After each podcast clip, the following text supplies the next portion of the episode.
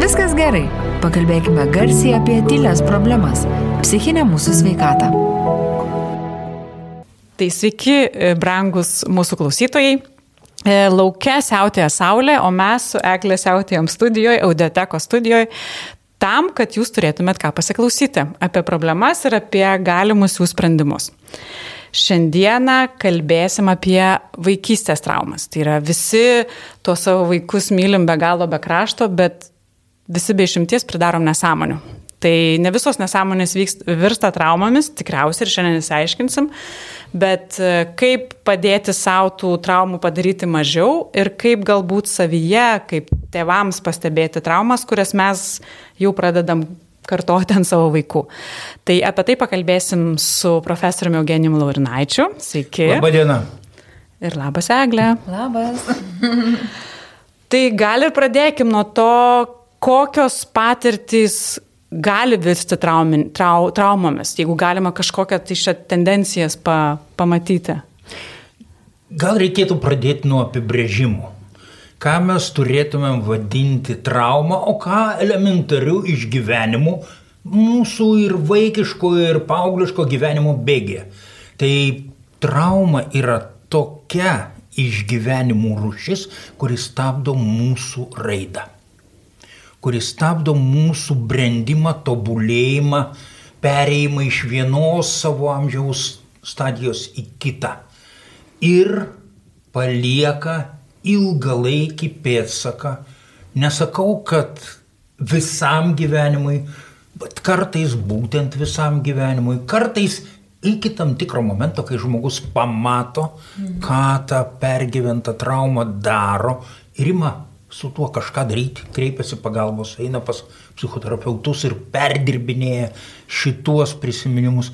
Ir tada ta trauma yra perdirbama iš tikrųjų ir galima nuo jos pasiekmių išsivaduoti. Bet kartai žmogus net visiškai nesuvokia, ką jis daro dėl to, kad patyrė kažką kažkada. Ir tai jam atrodo visiškai natūralus jo charakterio bruožas. Ir dėl to jisai net nesiuošia ką nors daryti ar kur nors kreiptis. Taigi traumą mes galim pamatyti, mm. galim nepamatyti pagal jos pėdsaką mūsų psichikoje, elgsenoje ir gyvenime galų gale. Tačiau iš tikrųjų yra pakankamai nemažas kiekis traumų patirtų ypač anksti, tarp 0 ir 4 gyvenimo metų maždaug, kurių mes visai negalim prisiminti. Ir tada jos jau pasireiškia tokiais simptomais, kurie neaiškus yra ne tik pačiam žmogui, ką tai reiškia, kai tai yra kūno simptomai dažniausiai, bet ir jį gydančiam psichoterapeutui iš tikrųjų tai yra paslaptis. Ir tos paslapties paaiškos ir bandymas ją atskleisti būna labai ilgi ir sudėtingi darbai abiems. Tai čia jau, va, iš tos trumpos įžangos man kilo keletas klausimų ir vienas yra, tai vis dėlto, ar yra, ar yra kažkoksai, tai nežinau, kažkokios tai grupės patirčių, kurios virsta traumomis, nes iš, iš pirma asociacija, kas man kyla su žodžiu trauma, tai yra agresija, smurtas, ne, kas tai bebūtų, fizinis mhm. ar psichologinis. Mhm. Ar čia teisingas suvokimas, ar yra daug platesnis tas traumų Sakykim, sąrašas? Taip, ir teisingas, bet be jokio jokios abejonės traumų sąrašas gali būti žymiai platesnis. Todėl, kad traumos gali būti nuo veiksmų, ką padarė kažkas tai tam mažam žmogučiui beaugančiam. Mhm. Ir traumos gali būti nuo neveiklumo, nuo nepadarimo, ko tam vaikui tuo metu mhm. būtinai reikia. Ir pavyzdžiui, pirmoji didžioji trauma daugumai vaikų kurie ją patiria, tarp 0 ir 1 gyvenimo metų yra saugumo jausmo nesukūrimas. O sukurti tą saugumo jausmą gali iš tikrųjų tik mama. Arba kažkas, kas ją pavaduoja, bet pavaduoja stabiliai, reguliariai, patikimai. Ir to saugumo sukūrimui reikia, kad tas globėjas arba mama mokėtų pajusti, ką jaučia kūdikis. Tai yra turi turėti empatijos sugebėjimą. Ir tuo pat metu ji neturi užsikrėsti tuo, ką jaučia kūdikis, o mokėti suvirškinti tuos kartais siaubingus kūdikio jausmus ir gražinti pakeliamam pavydalą. Ir tai, ką kūdikis iš tikrųjų sunkiai gali pakelt pats, yra jo agresija, jo baimės ir siaubai apimantis visiškai atrodytų nesuprantamose suaugusiam situacijose atskrido mūsų. Ir tai gali būti siaubas. Ta mūsų atrodo jam kaip didžiulis gyvūnas. Iš to ateina mūsų kartais košmariškose sapnuose sapnuojami, reiškia, tokie gyvūnai baisios būtybės. Bet kalbu apie tai, kad iš tiesų tuo metu, tame tarpsnė nuo 0 iki 12 mėnesių, pats kūdikis yra bejėgis savo užtikrinti saugumą. Ir tą saugumą turi užtikrinti aplinka, visų pirma mama. Ir čia tikrai neina kalba apie maistą, šilumą, švarą. Mm. Tai yra sąlygos kuriuose tas kūdikis išgyvena pasaulį, kurie atėjo. Ir šito išgyvenimo procese tikrai atsiranda daugybė itin stiprių jausmų, nes jis dar nemoka matuoti, kiek tai, ką jis patyrė, mato, jaučia, iš tiesų yra pavojinga arba nepavojinga. Jam tame amžiuje veikia dėsnis viskas arba nieko. Mhm. Jeigu baisu, tai iki siaubo lygio. Jeigu malonu, tai iki ekstazės lygio. Ir prisimenat turbūt jūs mamos būdamas, kada pamaitini alkaną rėkiantį vaiką ir jis taiga nusišypso ir atkrinta nuo spenelio visiškai toks atsipalaidavęs, viskas jis jau rojuje. Tai yra jam gyvenimas labai dažnai sviruoja tarp pragaro ir rojaus. Ir mamos mokėjimas priimti tos jo jausmus be baimės, be nerimo, o mokėti juos sugražinti atgal tame dydyje, kokiame tai realistiškai yra susijęs su pasauliu. Mm. Kad jeigu truputį baisu, tai truputį tik baisu ir mokėti nusišypsoti kartu su juo. Ir kūdikiai labai seka motinos vaizdą, jos veido išraišką ir iš tikrųjų žiūri. Pavyzdžiui, yra vienas nepaprastai gražus filmukas, kaip kūdikiai apie metų, bet dar šliaužiantis, dar keturiomis, dar ne, nevaikščiantis yra paleidžiami kambarį, kuriame yra duobė, aiškiai paskirstyta ten juodai baltai šachmatukais ir uždengtas stiklas. Ir mamos stovi viename dobės krašte, o kūdikiai išliaužia kitame. Ir jie prišliaužia kraštą, sustingsta ir pažiūri į mamą. Ir mama nieko nesako, mama tik žiūri į jį ir jeigu jis iš tikrųjų rami, tai jis ramiai per tą stiklą atšliaužia iki jos. Tai yra dalykai, kurie iš tiesų yra pagrindas to, ant ko mes statom savo saugumo jausmą. Kažkas turi man pasakyti. Ir pačioj pradžiai tai turi būti tas, kuo aš labiausiai pasitikiu, tai yra mama. Ir čia prasideda bėdos, kiek mamos pačios yra ramios. Todėl, kad iš tikrųjų gali būti problemos šeimoje, problemos su vyru, problemos su pinigais, problemos su tuo pačiu COVID, problemos su savo pačios darbu ir uždarbiu. Daugybė jos problemų, kurios ją jaudina, kūdikis kaip ir ne prie ko, bet jos resursai, jos rezervai priimti tą vaiko siaubą kaip mažą, nedidelį jausmelį, kurį galima čia pat suminkštinti, būna ryškiai sumažėję. Ir va tada vaikas gauna kartais informaciją, kad jis tikrai atvyko į baisų pasaulį. Jeigu mama jam pradėjus verkti, metai jį lovą, tu pagulėk čia, aš jau nebegaliu, jau viskas, jau va, va, va, va, va, jau baigėsi mano kantrybė. Bėda, vaikas gauna aiškę informaciją, kad jo baime yra nepakeliama.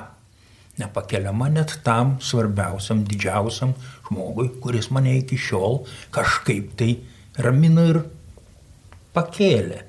Tai jeigu tai atsitiktiniai epizodai, tai nebaisu. Jie paskui ištaisomi, tai sakyčiau, normalaus bendravimo epizodais. Bet jeigu tai tampa sistema, jeigu mama išeina iš pusiausvėros ilgam laikui, ir čia prisiminkim tokį dažną dalyką kaip pogimdyminė depresija, kuri iš tikrųjų ištinka apie 20 procentų mamų po gimdymo. Tai tuomet motinos sugebėjimas tvarkytis su tais jausmais, kuriuos turi kūdikis, ryškiai kritęs, jeigu ne iš vis tapęs nuliniu. Ir tai jau yra didžiulė trauma vaikui. Taip kad kai mes sakom, kas yra trauma, tai trauma yra ne tik tai, ką aš gavau, bet ir tai, ko aš negavau. Kaip tų savo būsimo gyvenimo sunkumų įveikimo resurso. Aš turiu gauti tam tikrą pasitikėjimą šituo pasauliu ir žmonėmis aplink mane, kad žinočiau, jog galiu šitam pasauliu gyventi, išgyventi ir tikėtis ir rasti, kas man padės, jeigu kas. Ir kiek būna mamų iš tikrųjų iš to nuovargio. Tikrai aš ir, ir iš savo galiu patirties sakyti, ir turbūt ir tu neringa gali pritarti, kad tų tokių nutrukimų iš to tikrai, iš to nuovargio, iš visko, nežinau, gal iš kažkokio palaikymo poreikio, nežinau, bet tikrai va, tų tokių sprogimų jų yra. Nu, ir tada... motinai tam, kad jums būtų tvirta, būtinas yra atramos jausmas. Tas vyras, kuris tiesiogiai tarsi to kūdikio nei maitina, nei prižiūri, bet jis yra nepaprastai svarbi atrama motinai, kuri pasijunta tam tikrais momentais silpna, tam tikrais momentais išsekusi ir jis yra kaip, kaip stuburas jai. Tai jau čia einam į kitą temą, bet gal sugrįžkime prie traumų. O be to, vat, saugumo jausmo, kas yra ar neveikimas, ar veikimas, kuris, ką dar galim suklibinti, arba nu, kas tai yra suklibinama? Nuo to, kad jeigu iki 12 mėnesių tas saugumo jausmas atsirado didžiai daliai.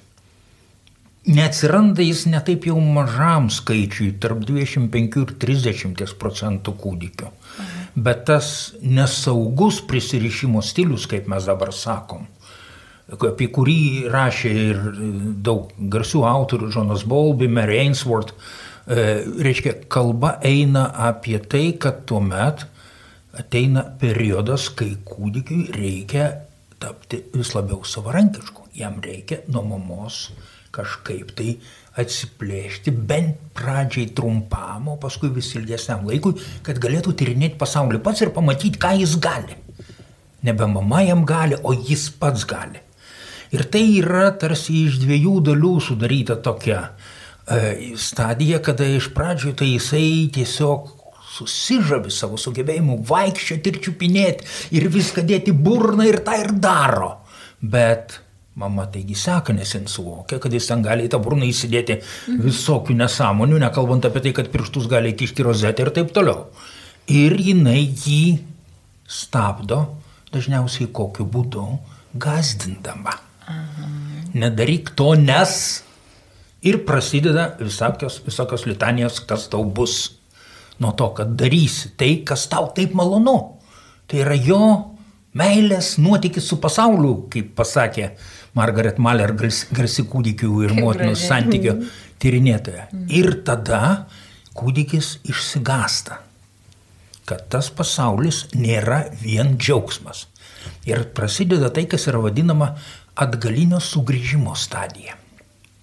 Ir tos stadijos metu kūdikis jau patyrė, kad pasaulis įdomus, kad jame yra visokiausių man įdomių dalykų ir galima tenais visko pridaryti, bet kartu, kad ten gali būti pavojinga. Ir prasideda kaip tokio mažo laivelio plaukiojimas nuo desantinio didžiulio laivo iki kranto ir atgal. Ten atgal. Ir jis ten kažką daro, daro, staiga pribėga prie mamos, apsikabina už kojos ir prisiglaudžia prie pilvo sausytėmis, pastovi, pastovi, vėl eina kažką tai daryti. Tai yra stadija, kurios metu didžiausia bėda gali būti mamos reakcijos. Kažko, ko išsigando tas vaikas ir bėgo nusiraminti. Gali būti, kad mama irgi išsigas ir tada jim priglaudžia jį ir sako, taip, taip, neik, neik, neik, ten pavojinga, ten baisu. O voras, baisus dalykas, jo, ne, neik jokių būdų. Arba, dar kas nors, šuniukas, kuris norėjo palaižyti, o tas išsigando atbėgo, oi, oi, baisu šuo įkas. Jis nenorėjo kasti, jis norėjo palaižyti vaiką. Šunys vaikų nekanda. Va, reiškia, toliau gali būti kita priešinga reakcija, kai motina neturi laiko net atkreipdėmėsi į tą savo vaiko išsigandimą ir pribėgimą nusirminti, ai, bėg, bėg, ko tu čia bijai, paprasčiausia mūsų, ir toliau užsijima savo reikalais. Tai irgi nureikšmė. Mhm. Taip, tai reiškia, pirmu atveju pasaulis padaromas baisus, antru atveju pasaulis padaromas vienišas Aš išsigandęs neturiu pas ką nueiti, nusiraminti. Aš neturiu kažko, kas mane suprastų. Ir tada man belieka visą tą baimę laikyti savyje. Ir tai reiškia, kad aš tai baimė ir turėsiu gyventi visą tolimesnį gyvenimą. Bet čia aš kalbu apie sistemingą ir ilgalaikį tokių mm, elgesio taip. formų vartojimą. Ir trečia forma tai yra mamos suvokimas, kad jam nuraminimo reikia, tai viena, bet kad jam reikia ir drąsos toliau tyrinėti tą pasaulį. Tai antra. Ir tada jin iš tikrųjų turėtų priglausti, nuraminti jį, bet paskui pasukti ir pastumti ir toliau. Žaisti ten, daryti savo reikalus. Ir tai yra tas realistinis požiūris į pasaulį, kuriame yra vienas dėsnis ir suaugusiems absoliučiai tinkamas.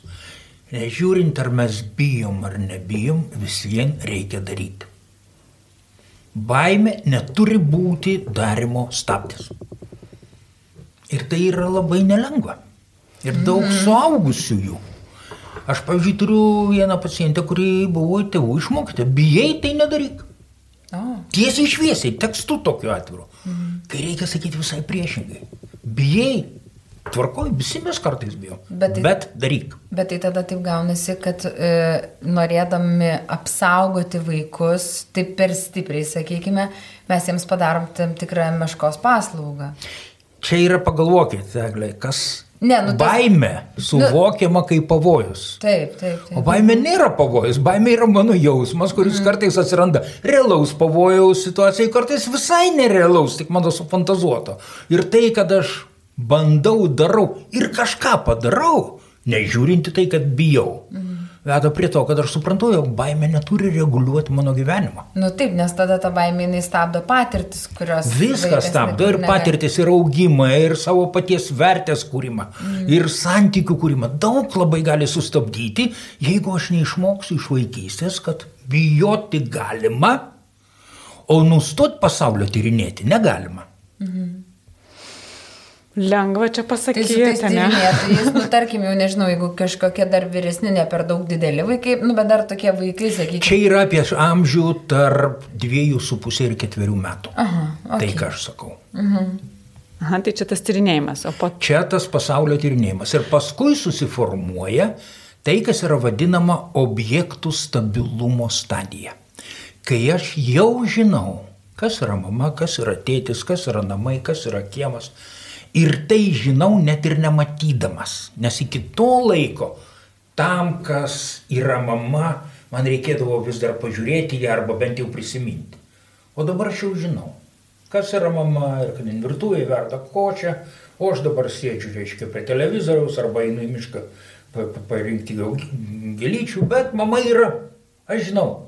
Mhm. Tai va tai yra objektų stabilumo stadija. Ir objektų stabilumo stadija reiškia, kad aš pakankamai aiškiai pradedu suprasti vieną labai svarbę ypatybę ribą tarp manęs ir ne manęs.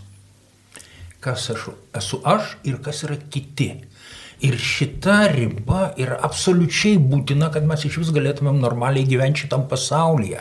Todėl, kad tada, tik tai tada mes pradedam suprasti, kad kiti galvoja kitaip. Kad jie turi teisę būti kitokie. Ir nežiūrinti tai, mes visiems galim draugauti. Mhm. Mes galim susitikti. Nes jeigu ribos nėra, ir jūs paklausykit kartais dėmesingiau ir paauglių, ar net ir saugusių, tai jų nuomonė tikras santykis yra tik tuo met, kai mes visiškai susijungę, persipinę, vienas į kitą įsilieję. Tai nesantykis. Tai kažkokia simbiozė. Mhm. Ir tai yra iš tikrųjų neaišku kas kur. Ir ką tada kas turim teisę galvoti, jausti, veikti. O atsiradus šitam ribos jausmui, mes aiškiai pradedam suvokti, kad draugavimas yra ribomis. Mhm. Ir kai mes kažko užsinorim, tai nereiškia, kad kitas užsinorės. Reikia kalbėtis, mhm. reikia aiškintis su juo. Ir taip atsiranda santykis, bet nesusiliejimas. Jo, ir man dabar noris iš karto šokti jau į tą dalį ir kaip uh, savyje pastebėti, nes mes tą vadinasi, jeigu to negaunam, tą išsinešam į savo gyvenimą ir toliau gyvenam įvairiais arba nejausdami saugumo, ar vat, eidami į simbiozinius santykius. Tai vieną dalyką, kaip tai atpažinti, man vat, atrodo, kai dabar, vat, kai esi didelis. Žinot, suaugusiam aps... tai yra sunku labai atpažinti kaip bėda, nes jis taip išaugo. Jis toks buvo visada. Ir tai pradeda trukdyti tuo met, kai jis nori įeiti į santykių su kažkokiu kitokiu žmogum, kuris mato gyvenimą kitaip, kuris subrendo kitaip. Nesvarbu į viršų ar apačią pagal savo raidos, reiškia, etapus, bet jeigu yra skirtumas, kur žmogus sustojo, kuris užsifiksavo, iškart pasimato santykiuose netitikimai. Ir daugybė dalykų, kur ateina pas mane pacientai ir sako, nesusišneku. Nu, tai papasakokit, kaip šnekat. Ir pradeda iškėti, kad iš tikrųjų vienas iki šiol daugybę dalykų šiam pasaulyje jaučia kūnu. Tai yra pirmųjų gyvenimo metų patirtis. O kitas patį gyvenimą traktuoja kaip kažkokią tai treniruočio aikštę. Tai yra trečių, ketvirtų gyvenimo metų patirtis. Tai ten galima bandyti, ieškoti, ten kartais būna baisiau, bet ne taip. O to ribų supratimo, kad reikia iš tikrųjų bendrauti per ribas, gerbent vienas kito kitoniškumą ir leidžiant būti kitonišku. Taip ir nesusiformavo nei vienam. Bet tai čia tada yra dėl to, vat, kaip jūs sakėt, kad traumos jos trukdo aukti mums, tai kad mes Tikrai. tam tikrose vietose liekam Sustingę, sustingę vaikai, ne? Nu, vat prisifiksavę kaž- jo. Ir lūkesčiai, kurie būna tuo metu tose situacijose, irgi yra labai vaikiški, kaip mes sakom, infantilus. Norisi gauti to, ko Taip. negavau vaikystėje. O sakykit, man tai toks kila klausimas, tai įvyko vaikystėje tenais iki metų, tarp ten dviejų, trijų ir trijų, keturių, bet tas gyvenimas po to, tai atrodo, įmeta tave į daugybę situacijų, kurių kažkaip atrodo turėtum išmokti. Vat kodėl Ne. mes neišmokstam, Bėda kodėl yra tik ta, tos vat, tas lieka. naujas situacijas, kurias gyvenimas mums suteikia, sprendžiame naudodamėsi tais resursais, kuriuos turime. Ir jeigu kažko neturime, tai mes ir progresyviau spręsti nemokame. Ir todėl psichoterapija ką daro?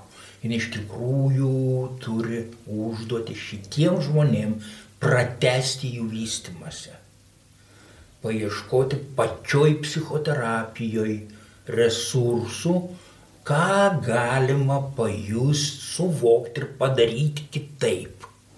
Ir tai yra ilgas procesas, kurio metu atsiranda daug intensyvių jausmų, visokių protesto reakcijų, pasipriešinimų. Bet jeigu žmogus atkakliai tuo keliu eina, jis gali nueiti labai toli. O šitoje dar palėtė yra dar, dar kokiu nors traumu, ar jau galėtume tada eiti į... Yra be abejonės daug traumų susijusių su jau vėliau brestančio va, norėjau vaiko ir paauglio apie- dalykais. Visų pirma tai, kad po to, kai jis susiformuoja į atskirą jaučiantį atskirumą asmenį, ateina laikas, kai jam reikia pradėti ieškoti savo vietos tarp kitų. Ir čia jau prasideda savivertės problemos. Todėl, kad vieta tarp bendramžių dažniausiai ieškoma per pasilyginimą ir kovą. Ir kiek tu ko moki padaryti, ir kiek tu apie ką moki pasakyti, ir kiek gerai tavo ližuvis pakabintas, ir kiek greitai tavo mintis bėga. Ir tai yra dalykai, kurie iš tikrųjų yra svarbus ir paskui mums suaugusiojo gyvenime, bet bręsta tai jie nuo to amžiaus, nuo Taip. Darželinukų mhm. iki vidurinio mokyklinio, kažkur tai amžiaus iki paauglystės pradžios, kai iš tiesų mes visą laiką bandom susikurti įgūdžius, jau nebe kažkokį jautimą, suvokimą apie pasaulį, bet įgūdžius tame pasaulyje tvarkytis. Ir čia, pavyzdžiui, nepaprastai svarbus tampa tėvo vaidmuo. Todėl, kad tėvas yra didžiaja dalimi to išorinio pasaulio atstovas. Jis yra darytojas. Mama, norim ar nenorim, bet visiems dažniau yra e, tas santykio objektas, tas ryšys. To visokių tų mamų. Ne, ne, visokių jau būna, bet iš principo vis tik daugiau. taip, daugiau. Mama yra tas, kur galima atbėgti, prisirišti, paverkti, pailsėti, pasiskūsti. O tėvas yra tas, kuris kelia reikalavimus ir turėtų ideale mokyti tos reikalavimus atitikti. Nu, tai kaip net ir aš atsimenu posakis buvo, kad tėvas yra tas, kuris sako, tu gali, o mama yra ta, kuris sako, aš tave myliu. Taip galima irgi pasakyti, mm. bet tam, kad jis galėtų tvirtinti, tu gali, jis turi mokyti. Mhm. Jis turi mokyti vaiką, nes, pavyzdžiui, vienas mano pacientas, nu, iš tikrųjų pasiskundė tokiu labai jam skaudžiai likusių prisiminimų iš paauglystės, kai jis labai norėdavo eiti su tėvu į garažą ir ten taisyti ar tvarkyti automobilį ir vieną kartą, na, jis ten buvo galbūt 8 ar 7 metų, tėvas jam iš, iš dobės įlindęs po automobiliu sako, duok 14. Ką 14? Kas tai yra? Tai veržleraktis su numeriu 14. Bet jis niekas nieko nepaaiškina, reikalauja iš jo, kaip iš visiškai suaugus ir du kart pasakęs, ai, tai čia greičiau aš pats pasiimsiu. Ir vaikui liko trauma. Liko iki suaugusiojo gyvenimo. Kad jis kažkoks netobulas, nepakankamas tėčiui, kuris buvo jam, na, nu, svarbus, jam iš tikrųjų buvo įdomus ir, ir kažkuria prasme pavyzdys ir liko, bet tai, kaip jis jį sudirbo, švelniai sakant, tuo momentu jam buvo didelė trauma. Tai vad, kai mes kalbam apie mokymasi jau vėliau kažkokių konkrečių įgūdžių arba savo savivertės statymo, čia jau labai didelę vertę įgyja ne tik tėvai, bet ir bendramžiai. Ir kuo toliau, tuo labiau ir paauglystė apskritai yra mūsų socialinės esybės brandimo momentas arba periodas, Ir iš tikrųjų tai nulėmė, kaip aš tarp saviškių jau saugęs būdamas tvarkysiuos. Jeigu kaip jausiuos, tai priklauso ir nuo ankstyvesniųjų periodų labai smarkiai. Tai kaip aš tvarkysiuos, jau yra vėlyvesnis mano raidos etapo rezultatas.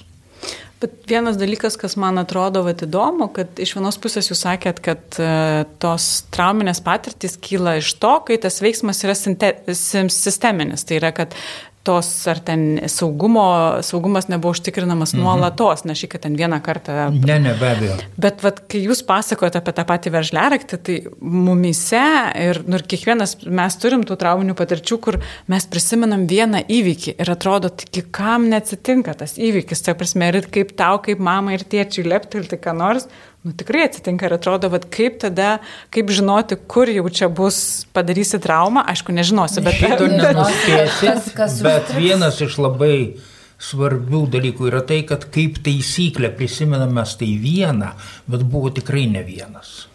Tai rodo kažkokį sisteminį santykių aspektą tarp vaiko ir suaugusiojo. Ir dar vienas dalykas yra tas, kad vaikas turi savo gyvenime kažkokių tai iššūkių, kažkokių situacijų, kai jis pats jaučiasi kriziai ir tada būna jautresnis įvairiems nepalankiems įvertinimams, charakteristikoms. Ir tada tiesiog tai įkrenta kaip į labai derlingą dirbą grūdas ir išauga baobabas. Mhm. Nu taip, tai kaip, kaip mes, kaip reikia sekti kiekvieną Nu, kiekvieną mintį, kurią tu paleidi, nes tu gali, nežinau, tai realiai tu gali nusivilti ir sakyti, o kaip tu čia išsirbėjai tos namus, reikės dabar persirpti iš naujo. Ir netgi toks dalykas įsigali, nu taip, nu gali sukelti jausmą, kuris vėliau atsilieps kažkokiais išgyvenimais. Tai va čia, nors ir kažkiek mums lietuvaičiams atrodo dirbtinai, bet amerikoniška stilistika. Kaip tu gerai išsirbėjai. Gal tik žiūrėk, pažiūrėkim, va šitam kampelėje šis tas liko. Ne, tai va būtent. O tas mokėjimas Pateikti. pripažinti, kad vaikas vis tik kažką padarė. Ir gali būti, kad stengiasi smarkiai, bet ne viską sugeba. Pagirti už pastangas. Jo, o kas mm. iš... Ypač iki kokių 8-9 metų vaiką reikia girti už pastangas, mm. ne už rezultatą. Tai va šitas mūsų nemokėjimas pasidžiaugti pastangomis yra didelė bėda. Nu taip, kai nežinau, aš dabar pagalvoju, ten, jeigu nori valgyti, pavyzdžiui, mano sunus mažas labai valgyti, mėgsta gaminti. Ir nu, aš leidžiu, nes tikrai labai jam patinka tą daryti ir labai skaniai daro. Ir labai daug reikia tvarkyti visko paskui. Ir kartais tikrai pagalvoju, kai jis, aš ten tau galiu padaryti omletą ir aš galvoju, oh my god, kiek reikės visko tvarkyti. Bet neugai aš jam dabar sakysiu, nu ne, nes tipo reikės daug tvarkytis. Nu taip, nu. Net, bet galima pasitarti, paskui tvarkytis galima. Tvarkysi. Ką taip. tvarkysim kartu? Taip, taip, taip, taip, taip. Tai būtent, Kaip labai tas, stipriai nori padaryti valgyti. Tas, tas prieimas ir tas pateikimas. Jo, jo. Mm. Bet pavyzdžiui, bet kaip, e, tarkim, jeigu suaugęs žmogus, bet jis turėjo tą traumą vaikystėje ir kartais mes, vat, kaip jūs sakot, kartais žmonės neatsimena, kartais jiems ateina tik tai po tam tikro laiko terapija. O kodėl taip yra? Ar mes ar gali būti, kad tai yra neužfiksuota, ar tai yra tiesiog e, trauma, kurią tu uždarai savo viduje ir nenori apie tai galvoti? Visų pirma, pradėkime nuo to, kad tikrai ne viską, ką mes matom ir girdim, mes užfiksuojam sąmoningoje atminti. Mhm. Bet kad užfiksuojam viską, tai yra garantuota.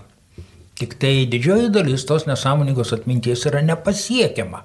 Mhm. Be specialių pastangų. Taip be klaidų analizės, be sapnų analizės, be elgesio analizės. Gali būti, kad prie to niekad ir neprieisi. Mhm. Ir aš tai turiu tokį anegdotą, kurį kartais pasakoju ir pacientams, ir kurį labai mėgstu, kai eina naktį policininkas gatvė ir staiga žiūri pažybintų, pagerės žmogelis kažko ieško. Mhm. Tas atsistoja, sako, ką čia darai?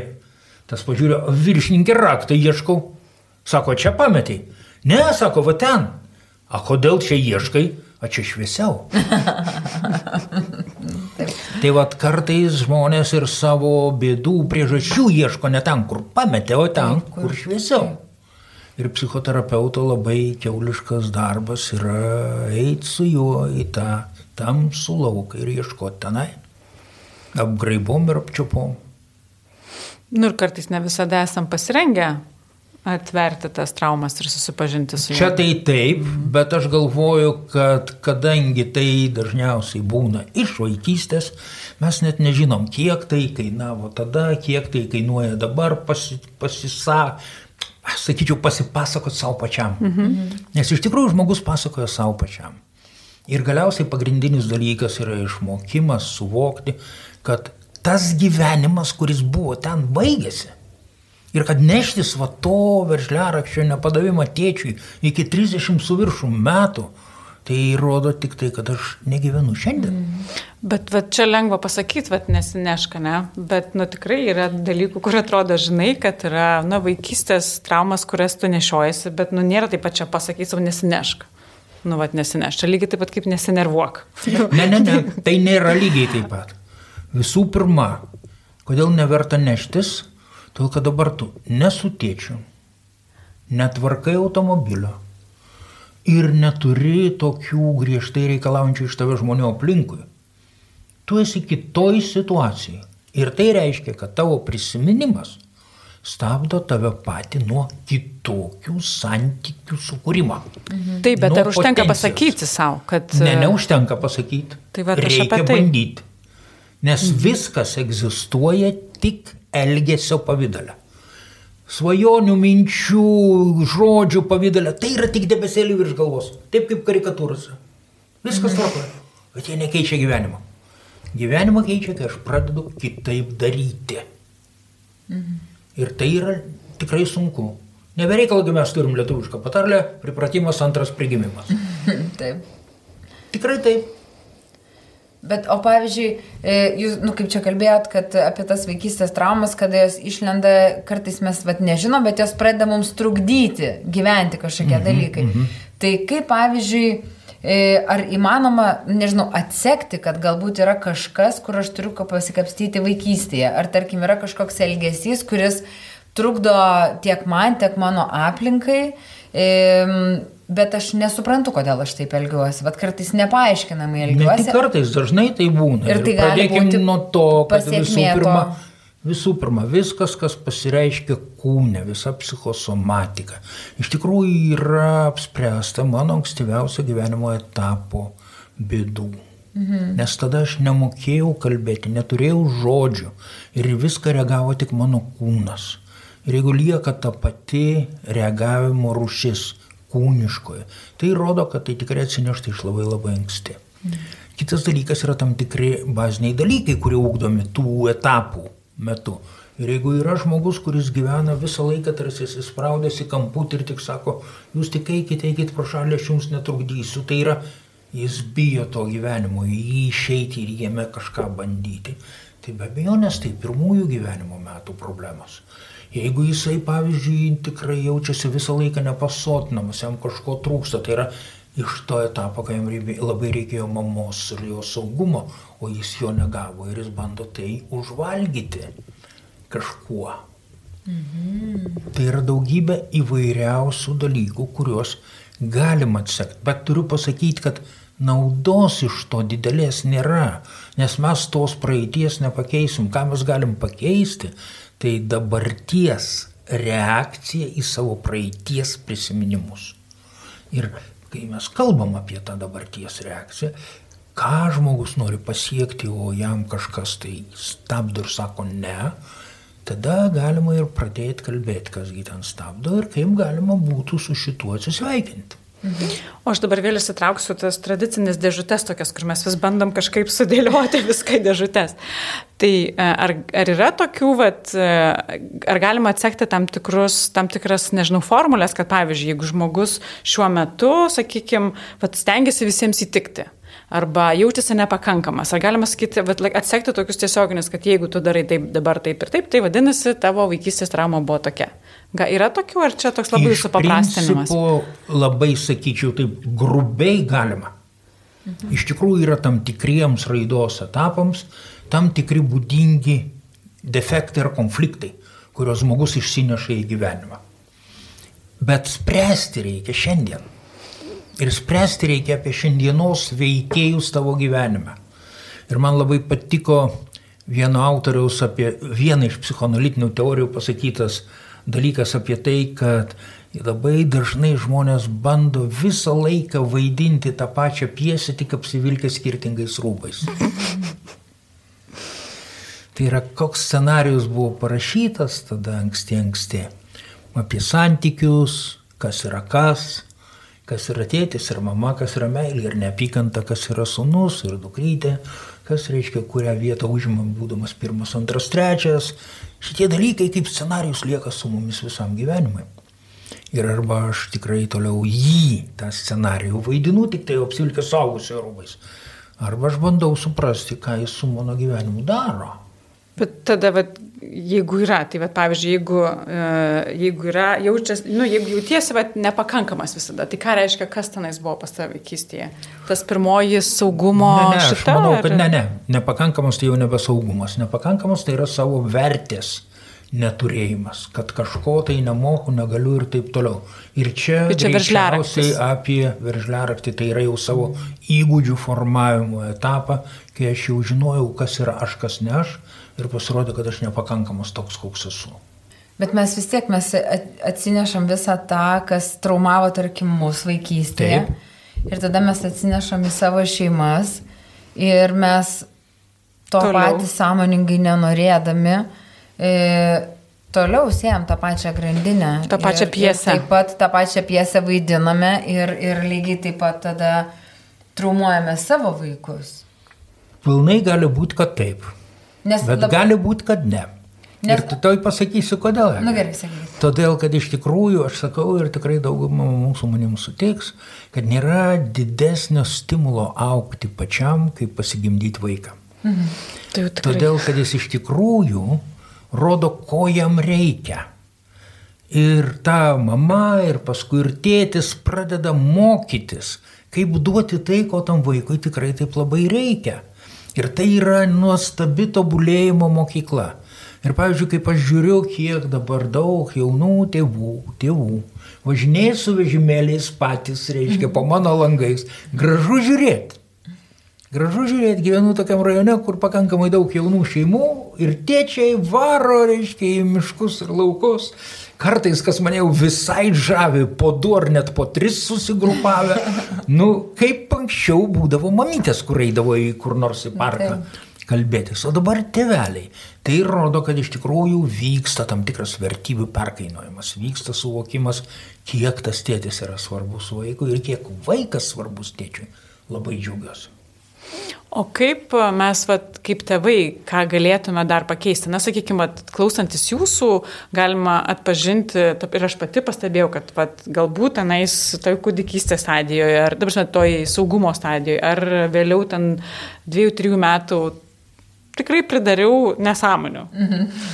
tai va dabar žiūrint, ar yra, ar kažkaip aš dar kaip mama ar tėtis dar galiu tikėtis, kad žinau, kad nu, ten va, tam laikotarpiu buvo reikalų, ar aš galiu žiūrėdamas dabar į savo, ten, nežinau, ar, ar dar, dar 10, 11, 12, 13, dar su manim gyvenus, gyvenantį žmogų, dar galiu kažkaip kompensuoti, ten pataisyti ką nors, ar jau, kaip sakant, jau dabar jo bus e, užduoti su psichoterapeutu išsiaiškinti, kai užaugs. E Ir taip ir ne. Yra dalykų, kurie gali būti vėlesniam gyvenimo periode koreguojami. Ir yra dalykų, kurie jau bus kažkuria prasme įsispausdinę į tą asmenybės struktūrą. Kas kur kam konkrečiai ir individualiai labai sunku pasakyti. Bet visada yra šansas. Ir todėl aš galvoju ir visada visiems sakau, visada reikia bandyti. Gal pavyks. Nepavyks, bent jau pasakysit savo, aš bandžiau. Gerai, o tai vat, pasakykit konkrečiai, kaip bandyti, nes jūs pasakėt, va, tris etapus, ne, bet jūs pasakėt tris etapus, va, yra saugumo etapas, yra ten bandymo etapas ir yra koks buvo. Ne, ne, yra savarankiškumo, savarankiškumo. kūrimo etapas, savo mhm. ribų kūrimo etapas. Ir paskui savo įgūdžių formavimo etapas ir socialinių įgūdžių, paskutinis mhm. svarbiausias formavimo etapas jau vėlyvojo paauglystėje. Mhm. Bet kalba eina apie tai, kad iš tikrųjų kiekvienam iš tų etapų iš anksčiau atsineštos bėdos pasimato.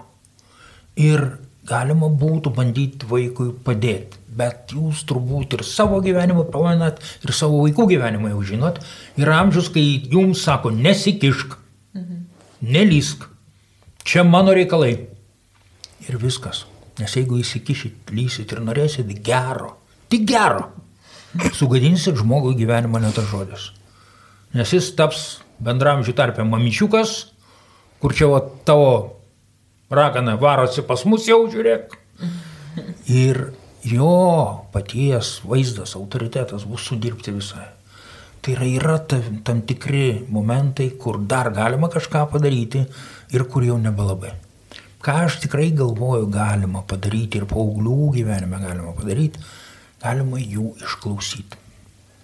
Būti pasiruošusiems klausyti ir nedaryti jokių pastabų ir neaiškinti gyvenimo nieko, tik klausyti. Labai neblogai veikia. Labai gerai ugdyti kantrybę turi šiaip tas išklausimas, nes tikrai ne visada sutinki ir ta nuomonė yra tokia pati kaip to paauglio, pavyzdžiui. Bet jeigu tu atini išklausyti, tai tu atini išklausyti. Jo. Susisiūt lūpas reikėtų. Mhm. Pleistrą užteks. Man dar vienas toksai klausimas dabar kažkaip atkilo. E, kaip yra vat, iš tos vaikystės. Kad yra, tarkim, kažkokie, e, kažkoks elgesys tėvų, kuris, e, vat, nežinau, galbūt tu prisimeni, kad tave kaip vaiką, nežinau, ar ten traumavo, bet vertė jaustis negerai, sakykim, taip. Ir dažnai tikrai būna, kad augant sakai, aš tai tikrai jau taip nedarysiu. Jo, jo. Aš tai tikrai nebūsiu kaip tėtis, ar aš tai jau tikrai nebūsiu kaip mama ir to nedarysiu. Ir tada, kada tu turi vaikų ir tie vaikai auga, tu staiga supranti. kad darai visai kad, prasme, tu kartoji visą tai, ką tu sakai kategoriškai tikrai net, va aš taip ne, tokia nebūsiu.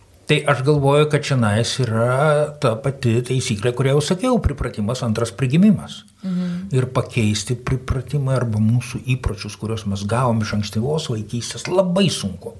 Labai tikrai sunku, todėl kad jie pasireiškia automatiškai. Mhm. Bet jeigu pastebėjot ir jums nepatinka tai, ką jūs darot, prasideda galimybių laukas, jūs galite mhm. stebėti ir keisti savo elgesį. Tik tai tada iškyla klausimas, į ką kas būtų tas pozityvus elgesio būdas vietoj to, kurį naudojat, žinodami patys, kas iš to išėjo. Bet tai tu gali pats padaryti, ta prasme, taip, čia nėra taip, daug, tai, tu... daug dalykų žmonės gali padaryti pats, visai nereikia ten varyti pas psichoterapeutus dėl kiekvieno dalyko. Bet... Nesiužkimšta viskas. Jo, jo, jo, bet ne tik todėl, aš galvoju dar ir todėl, kad tikrai mes visi turim potenciją keistis. Hmm. Ir reikia ją naudotis. Tikrai reikia naudotis. Tuo labiau, kad jeigu pasikeiti žmogus pats, tai kažkaip ir save vertinti pradedi labiau. O kaip, vat, jeigu uh, pamatai, kad tu darai tam tikrus dalykus su savo vaikais, nes tavo tėvai taip su tavimi elgesi ir natūralus jausmas yra, nu, taigi pyktis, tai kodėl jie taip su manim, ne? Ir vat šitoje vietoje kaip išlipus iš to, kaip atleisti tiem tėvam ir kaip uh, aišku, kai pamatai, kad tą patį padarysi su savo vaikus, tas atleidimas greičiau ateina iš tikrųjų ir supranti, kad visi vienodi.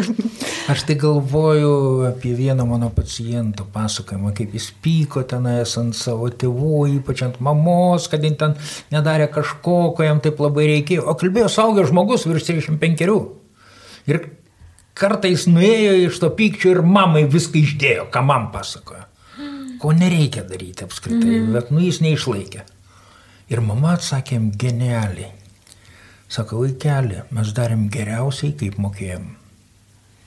Ir va šitą supratimą, kad iš tikrųjų jie patysgi išaugo irgi kažkaip.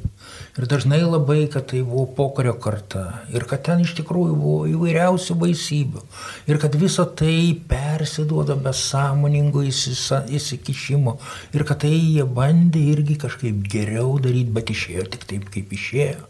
Tai tai yra, nu, man labai patikusi frazė. Taip, tai tų nuoskaudų tėvams kaip ir, nes, nu, vat, man irgi įdomu, kaip ar, ar kalbėtis apie tai. Va, tarkim, suranda žmogus, kad e, pa, iš, išsiaiškina, kodėl vat, jam, nežinau, kažkokie, kažkokie vyksta dalykai, kurie pasirodo yra dėl vaikystėje patirtos traumos. Jis turi, jis gali ar negali nueiti pas, nežinau, tėvą savo Ko? sakyti. Nu, vad pasakyti tėvui, va, Ir nu tai, ne, nu tai Ko va aš ir klausiu. Tikėtis nežinau, gal nebūtinai reikia tikėtis, bent jau pasakyti, kad tau nepatiko, kad taip elgesi, arba kad tau tavyje tai ko paliko traumą. Ir ko tikimasi kaip efektą?